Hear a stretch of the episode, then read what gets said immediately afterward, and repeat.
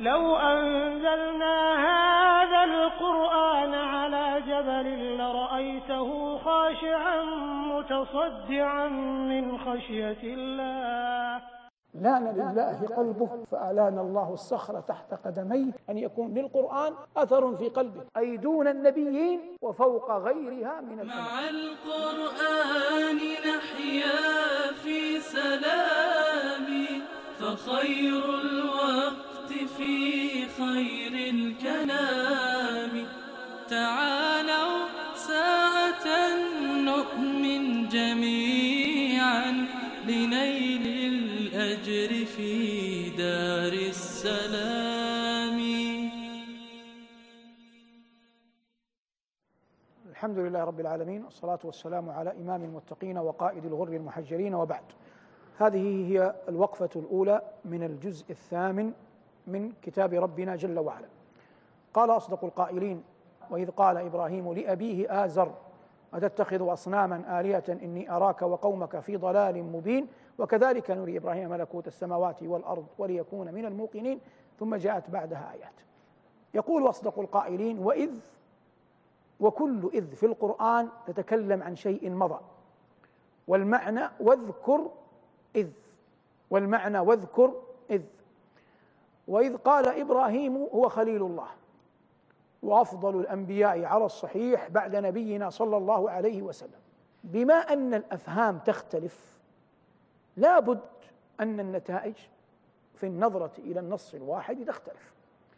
أهل النسب المعنيون بعلم الأنساب يقولون ليس في نسب إبراهيم أب لصلبه مباشر اسمه آزر. يقولون هو إبراهيم ابن تارح ليس ابن آزر المعنيون بعلم الأنساب. وربنا يقول هنا وإذ قال إبراهيم لأبيه لأبيه آزر. أجابوا عن هذا بتخريجين. التخريج الأول قالوا إن الدليل على أنه ليس أباه الذي إبراهيم ولده لصلبه أنه لو كان أباه لما قال الله آزر وأتوا بمثل. قالوا لو أن رجلا له أخوال أحمد ومحمد وعلي. فإن قال جاءني خالي أحمد فهذا تمييز تمييز لأحمد عن علي ومحمد. لكن لو أن من حوله يعرفون أنه ليس له قريب أخوال إلا واحد. يقولون هذا لا حاجة لأن يقول خالي فلان. لأنه لا يعرف له إلا خال واحد. فقالوا الرجل ليس له إلا أب واحد. فلو كان آزر أباه لما قال الله وإذ قال إبراهيم لأبيه آزر. طب كيف تخرجون كلمة لأبيه؟ قالوا هذه يسيرة. كيف يسيرة؟ قالوا إن الأب في القرآن جاء تسمية للعم. الله جل وعلا قال أم كنتم شهداء؟ إذ حضر يعقوب الموت. إذ حضر يعقوب الموت إذ قال لبنيه ما تعبدون من بعدي؟ قالوا نعبد إلهك وإله آبائك إبراهيم وإسماعيل وإسحاق. ومعلوم قطعا بالإجماع أن يعقوب ليس إسماعيل أبا له إنما هو ماذا؟ هو عمه لأن إسماعيل أخ لإسحاق وإسحاق والد ليعقوب فهو يعقوب ابن إسحاق ابن إبراهيم وأما إسماعيل عمه ومع ذلك سماه الله جل وعلا أبا. فقالوا هذا دليل لنا على أن آزر ليس أبيه لنسبه. لكن يشكل على هذا حديث آخر ورد يوم القيامة. أخبر النبي صلى الله عليه وسلم عنه أنه يرد يوم القيامة وأن إبراهيم عليه السلام يرى أباه آزر. الذي يعنينا هنا وهو الذي أردت إيصاله إليك ألا تعجل في الحكم على أحد من المفسرين. فالطرائق في فهم الآيات تختلف من أحد إلى إلى أحد. قال الله وإذ قال إبراهيم لأبيه آزر أتتخذ أصناما آلهة؟ اتخذ من حيث الصناعة النحوية فعل متعد إلى إلى مفعولين إلى إلى مفعولين. فالمفعول الأول هنا كلمة أصنام. والمفعول الثاني كلمة إلها. والمعنى كيف تجتزيز؟ أنت وأصحابك وقومك ورهطك عقلا ونقلا. أن تجعلوا من هذه الأصنام التي لا تنفع ولا تضر آلهة تعبدونها. ولهذا قال إني أراك وقومك في ضلال مبين. الله قال بعدها وكذلك نري إبراهيم ملكوت السماوات والأرض ثم أتى بلام التعليل. قال ليكون من الموقنين. التأمل ببصيرة في ملكوت السماوات والأرض هو الذي يورث اليقين. التأمل في ملكوت السماوات والأرض ببصيرة هو الذي يورث اليقين. والله لما أتى لأشرف الرسل وخيارهم حتى يكونوا على بينة بطريقهم رزقهم اليقين. ولما أراد جل وعلا برحمته أن يرزقهم اليقين رزقهم الأسباب التي تورثهم اليقين فجعلهم يرون ملكوت السماوات والأرض. ملكوت هي نفسها كلمة ملك لكن الزيادة فيها للمبالغة الزيادة فيها للمبالغة. لم يقل الله لنا ولم يخبرنا كيف أرى إبراهيم ملكوت السماوات والأرض. أما نبينا صلى الله عليه وسلم فقد عرج به إلى سدرة المنتهى فرأى ملكوت السماوات والأرض حتى يكون على بينة في دعوته صلوات الله وسلامه عليه. يخبرنا عن السماء وقد طرق أبوابها ويخبرنا عن الجنة وقد رأى أهلها ويخبرنا عن النار وقد اطلع عليها ويخبرنا عن القبر وقد أسمعه الله شيئا مما يكون في القبر. لكن أنا وأنت كيف السبيل؟ السبيل إما أن تقرأ في كتب التاريخ في أحداث الزمان ما يجعلك تكون على يقين أن الأمور تدبر في الملكوت الأعلى. والحالة الثانية أن تتأمل بيقين واقع الناس في من حولك. لعرفت أن الكون محال أن يكون الناس قد خلقوا عبثا. أأنتم تخلقونه أم نحن الخالقون؟ قراءة مثل هذه الآيات تدبرها يزيد المرء به يقينا. هذا كلام الله. ثم الأحداث التي تقع بين عينيك ثم قلب كتب التراجم وكتب التاريخ. سترى فيها أشياء والله يشيب لها الولدان لكن يؤمن المرء بها أن هناك خالقا هو الله جل جلاله. لا أحد يخلق ولا أحد يرزق ولا أحد يقدم ولا أحد يؤخر إلا هو سبحانه وبحمده. نعود للآية. قال الله وكذلك نري إبراهيم ملكوت السماوات والأرض وليكون من الموقنين. ثم ذكر الله مجادلة وقعت بين بين إبراهيم وقومه. قال فلما جن عليه الليل. جن بمعنى أظلم. وهذا الحرف في اللغة الجيم والنون تعني الاستتار. يقال للجنين في بطن أمه جنين.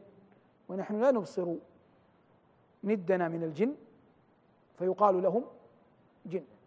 والجنة مستترة فسميت جنة. فالله يقول فلما جن عليه الليل أظلم رأى كوكبا. وإبراهيم كل يوم يرى الكواكب. لكن هو الآن يخاطب أناس لا عقول لهم.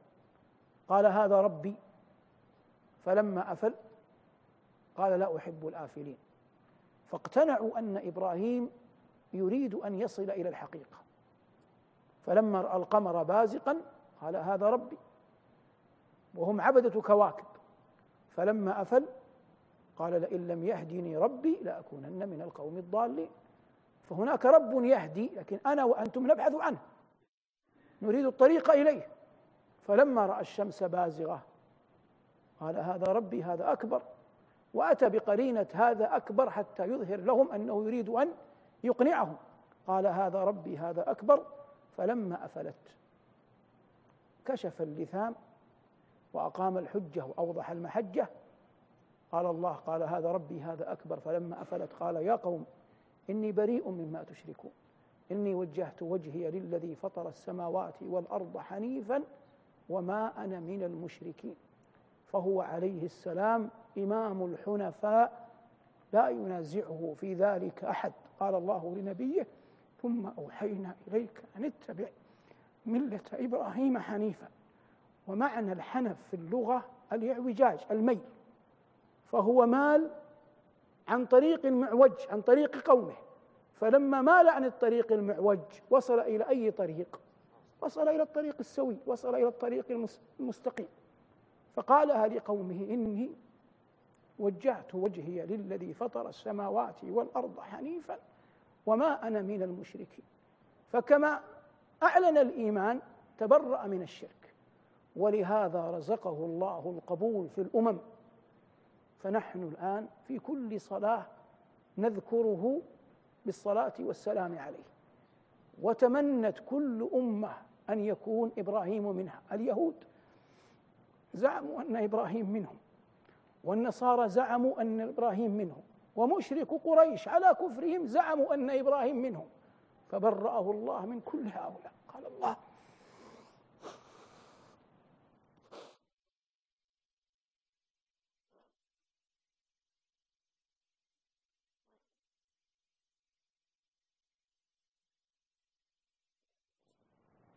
قال الله ما كان إبراهيم يهوديا ولا نصرانيا ولكن كان حنيفا مسلما وما كان من المشركين. ثم قال إن أولى الناس بإبراهيم للذين اتبعوه وهذا النبي فلا نحن بالذين اتبعوه في زمانه ولا نحن النبي المقصود بقيت واحدة. إن أولى الناس بإبراهيم للذين اتبعوه وهذا النبي والذين آمنوا. فكل مؤمن ولي لإبراهيم. وحتى أطفال المسلمين سئل عنهم نبينا صلى الله عليه وسلم فقال هم في كفالة إبراهيم وسارة في جبال على الجنة. قال الله بعدها والله ولي المؤمنين. فهل يمكن أن يخزى أحد تولى الله تبارك وتعالى شأنه وهداه إلى أن يتبع ملة أبي الأنبياء وإمام الحنفاء صلوات الله وسلامه عليه. ومن إجلال رسول الله له أنه لما دخل الكعبة رأى فيها صورة إبراهيم صنعتها قريش يستقسم بالأزلام. فقال صلى الله عليه وسلم قاتلهم الله ما لشيخنا وللأزلام. فهو سيد الرسل وأشرفهم عليه السلام ويقول عن إبراهيم بأنه بأنه شيخه لأن إبراهيم والده. ولهذا لما رحب به في رحلة المعراج قال عليه السلام مرحبا بالابن الصالح والنبي الصالح فهو في عمود نسبه. جعلنا الله وإياكم من أوليائه وخاصته. بقي وقفتان سنتكلم فيهما من سورة الأعراف. تعالوا ساعة نؤمن جميعا. مع القرآن. مع القرآن. الوقفة الثانية من الجزء الثامن عند قول الله جل وعلا والذين آمنوا وعملوا الصالحات لا نكلف نفسا إلا وسعها أولئك أصحاب الجنة هم فيها خالدون ونزعنا ما في صدورهم من غل إلى آخر الآيات عن الأعراف. وسنتدارس هذا في وقفتين. أما قول الله جل وعلا والذين آمنوا وعملوا الصالحات فقد جاء بعد الإخبار عمن كفر بالله وسدت في أعمالهم ووجوههم أبواب السماء. فقال أصدق القائلين والذين آمنوا وعملوا الصالحات لا نكلف نفسا إلا وسعها. أخذ العلماء من أهل الأصول من هذه الآية فائدتين. الفائدة الأولى أن الواجب يسقط مع العجز وأن المحرم يباح عند الضرورة. فالمحرم يباح عند الضرورة والواجب يسقط عند العجز أن الله قال وهو الحكم العدل لا نكلف نفسا إلا إلا وسعها. أولئك أي أصحاب الإيمان أولئك أصحاب الجنة. مر معنا أن كلمة صاحب هي الاقتران بشيء ما في زمن في زمن ما. فلما كان أهل الجنة يقترنون بها وفيها سموا خالدين. فقال أولئك أصحاب الجنة هم فيها خالدون. قال بعدها ونزعنا. من الذي ينزع هنا؟ الله. ما في صدورهم. ما هنا موصولة. أي الذي في صدورهم. من أي شيء من هنا بيانية. ليست بعضية. بيانية. من غل. أحيانا يحصل بين الناس ولو كانوا خيارا ما لا يمكن أن ينفكوا عنه. فربما مات بعضهم وهو فيه شيء من العتب اليسير على أخيه. ولما كانت الجنة دارا طيبة لا يدخلها إلا طيب كان من رحمة الله بأهلها الذين يدخلونها أنهم قبل أن يدخلوها ينزع ما بقي في الصدور من غل فيطيبون أجسادا وأرواحا حتى يكونوا أهلا لدخول الجنة. وفي معركة الجمل مات طلحة بن عبد الله رضي الله عنه. فوقف علي رضي الله عنه عليه فقال إني لأرجو الله أن أكون أنا يقصد نفسه وطلحة والزبير ممن قال الله فيهم ونزعنا ما في صدورهم من غل. هؤلاء يحبسون على قنطرة دون الجنة عندها ينزع هذا. قال ربنا ونزعنا ما في صدورهم من غل تجري من تحتهم الأنهار. وقالوا الحمد لله الذي هدانا لهذا ثم تبرؤوا من كل حول وطول إلا حول الله وقوته. فقالوا وما كنا لنهتدي لولا أن هدانا الله. وشعورك وإيمانك ويقينك بأن الله وحده هو الذي يهدي أعظم سبيل إلى أن تثبت على الهداية. وما كنا لنهتدي لولا أن هدانا الله. ثم إنهم يرون ما كانوا قد وعدوا به قد وقع. وما كانت تخاطبهم به الرسل يرونه الآن عيانا لأن الجنة يا بني غيب موعود وعد لم نره. وإذا هممت فناجي نفسك بالمنى وعدا فخيرات الجنان عدات. فنحن لم نرى الجنة وعدنا بها رسولنا. فإذا دخل المؤمن الجنة ورأى ما وعدت به الرسل ماذا يقول؟ يقول لقد جاءت رسل ربنا بالحق. فينادون ونودوا أن تلكم الجنة وليست الجنة بعيدة عنهم وإن جاء بتلك لكن اللام للتعظيم. ونودوا أن تلكم الجنة أورثتموها. وقد مر معنا أن الإرث أعظم أسباب أو طرائق التملك. ونودوا أن تلكم الجنة أورثتموها بما كنتم تعملون والباء هنا باء السبب لا باء العوض. باء السبب لا باء العوض. والفرق بينهما في المثال التالي. عندما يأتي إنسان يملك مالا وفيرا فيأتي لرجل لديه بناء فخما. فصاحب المال الوفير اشترى البناء الفخم أو القصر من صاحبه. فليس لصاحب القصر منة على صاحب المال. لا يقول لو أعطيتك قصري لأن هذا المال عوض عن عن القصر. فهو أخذ عوض القصر الذي باعه. فهذه باء العوض. لو أن رجلا يملك قصرا فرضنا هذا الرجل نفسه يملك قصرا آخر. فذات يوم قابل رجلا فقيرا من قرابته بينهما رحم. فقال له بسبب الرحم التي بيننا وهبتك هذا القصر. له منة. على من أعطاه أو ليس له منة. له منة. فهو قال في الأول الباء الأولى باء عوض أما الباء الثانية باء سبب. ربنا يقول هنا ونودوا أن تلكم الجنة. أورثتموها بما كنتم تعملون أي بسبب عملكم الصالح. وإلا ليس عملنا عمل المؤمن الصالح عوضا عن عن الجنة. قال ربنا بعدها ونادى أصحاب الجنة أصحاب النار أن قد وجدنا ما وعدنا ربنا حقا. فهل وجدتم ما وعد ربكم حقا؟ قالوا نعم. فأذن مؤذن بينهم اللعنة الله على الظالمين. هذا يوم تكون فيه نداءات. فيخبر الله أن أصحاب الجنة هم الذين يبدأون. فينادون ينادون أصحاب النار. ونحن لا ندري كيفية الوصول إلى تلك المناداة لأنه غيب حجبه الله عنا. ونادى أصحاب الجنة أصحاب النار أن قد وجدنا ما وعدنا ربنا حقا. ربنا في الدنيا وعدنا الجنة فنحن نرى الجنة عيانا. فهل وجدتم ما وعد ربكم حقا. وعدكم الله بالعذاب والنكال والنار لأنكم كفار. ماذا يجيبون عياذا بالله؟ قالوا نعم. فأذن مؤذن. أحد يعلن. من الذي أذن؟ لم يخبر الله. وغالب الأمر أنه ملك. فأذن مؤذن بينهم اللعنة الله على على الظالمين. يقولون إن أحد السلف ولا أذكره الآن لكن أظنه أبو حازم. دخل على هشام بن عبد الملك.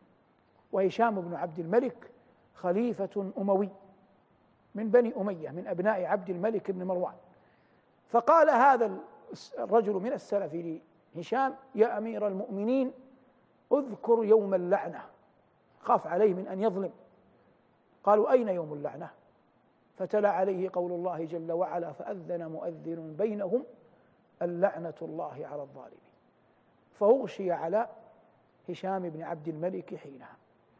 المقصود من هذا أن من أراد أن يخوف الناس من أراد أن يعظهم من أراد أن يرقق قلوبهم لا سبيل له إلا إلا القرآن والسنة. لا يمكن أن ترقق قلوب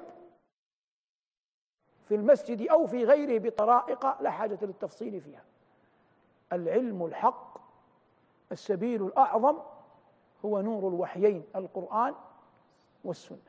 أنا أعرف رجلا كندي الجنسية يجلس في المدينة عند العلماء يأخذ عنهم علم. وقد هدى الله على يديه مشاهير في الولايات المتحدة وفي غيرها. وجاءني في المدينة بصور معهم كيف كان حالهم بعد قبل إسلامهم وحالهم بعد إسلامهم. وزارني منهم في مكتبي كثير من المشاهير. موضوع الشاهد الذي نريد أن نصل إليه. لا يقولن أحد إن هؤلاء المشاهير أو غيرهم لهم طرائق يحتاجون إلى كذا. الشباب التسلية شيء مباح. أما الدعوة شيء مقدس. ولا يمكن أن يدعى الناس إلا بنور الوحيين بكلام الله وكلام رسوله. والفيصل بيننا وبين أي أحد كلام الله. والله يقول فبأي حديث بعد الله وآياته يؤمنون. فبأي حديث بعد الله وآياته يؤمنون. فمن أراد أن يرشدهم بغير كلام الله إنما يحاول أن يعالجهم بدواء ليس ليس لدائهم أبدا. الوقفة الثانية نتم فيها إن شاء الله خبر أهل الأعراف. تعالوا ساعة نؤمن جميعا. مع القرآن. مع القرآن. هذه الوقفة الثالثة من الجزء الثامن.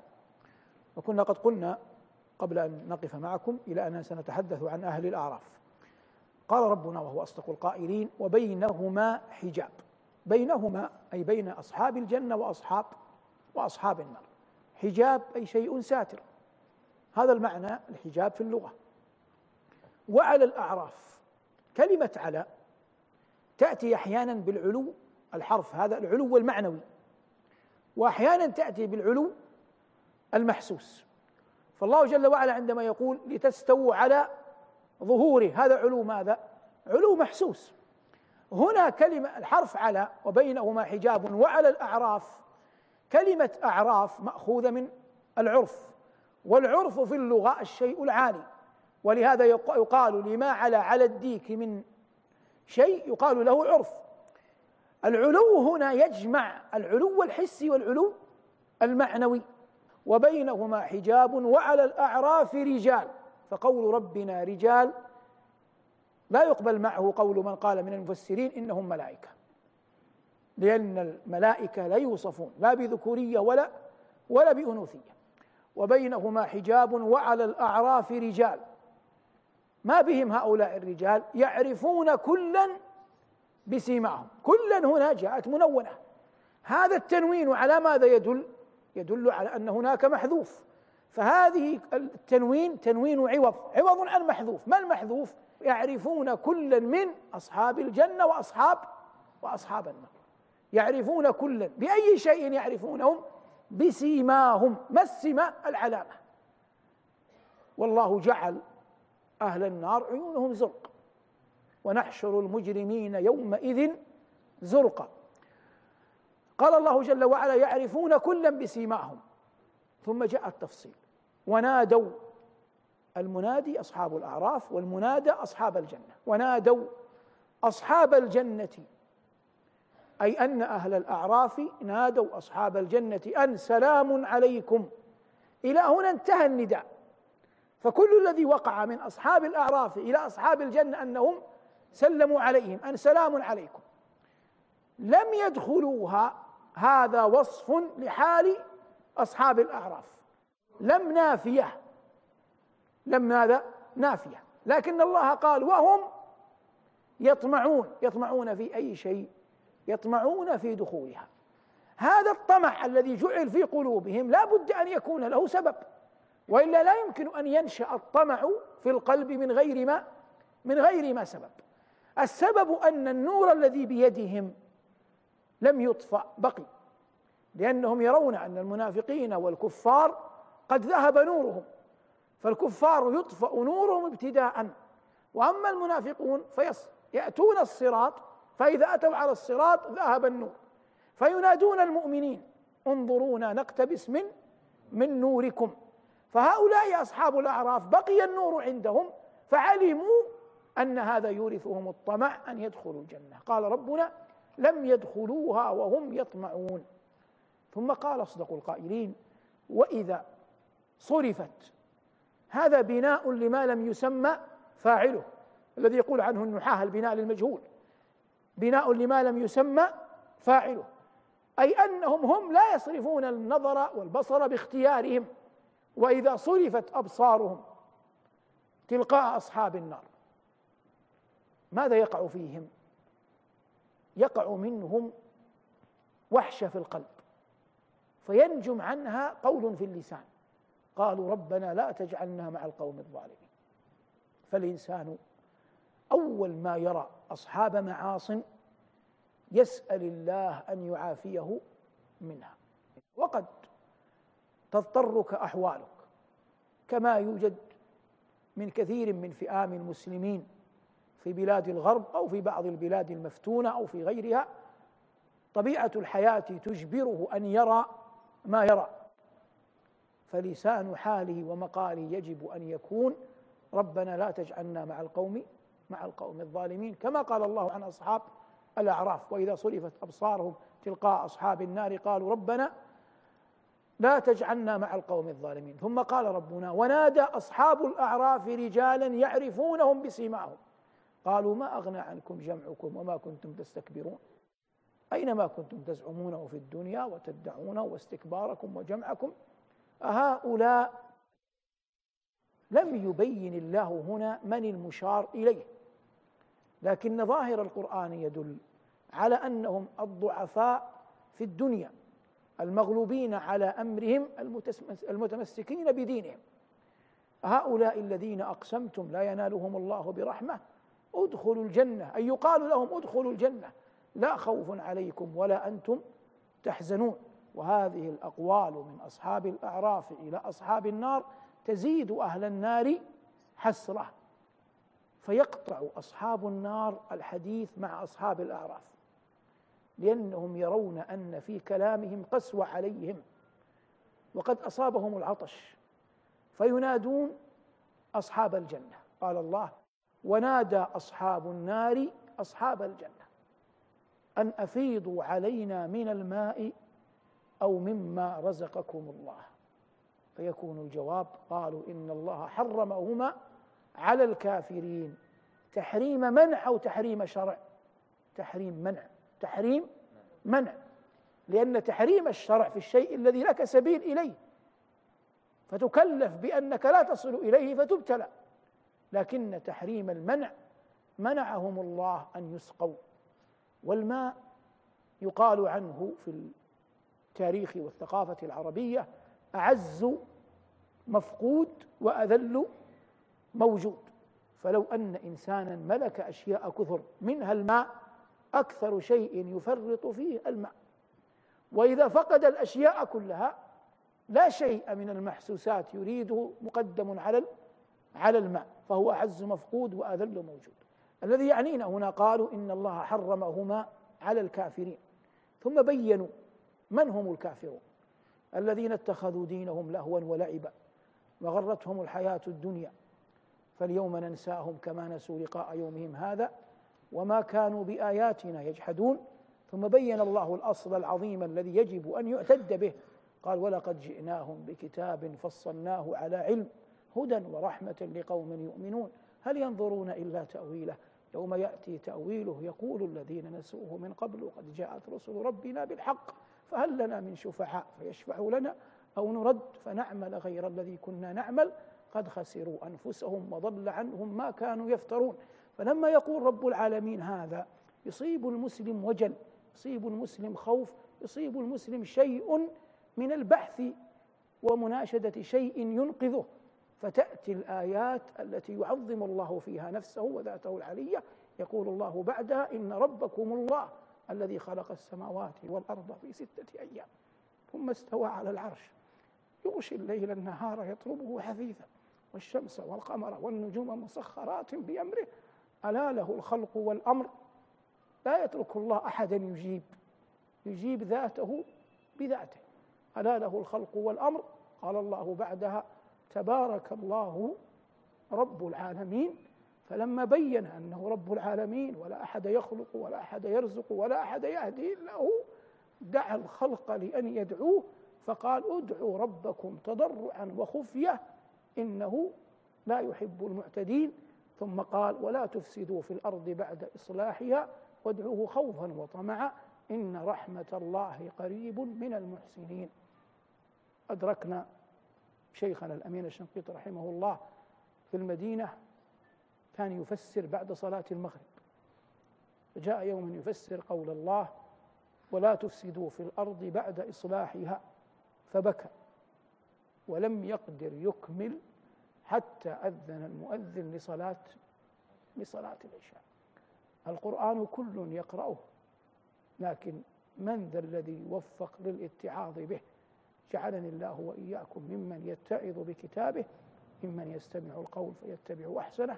هذا والله أعلم. صلى الله على محمد وآله والحمد لله رب العالمين.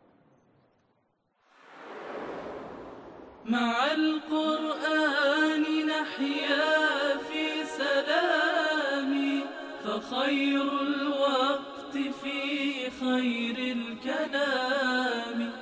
بتفسير وأخبار حسان عن المختار نبراس الظلام. مع تسامت به الأرواح في أعلى مقام.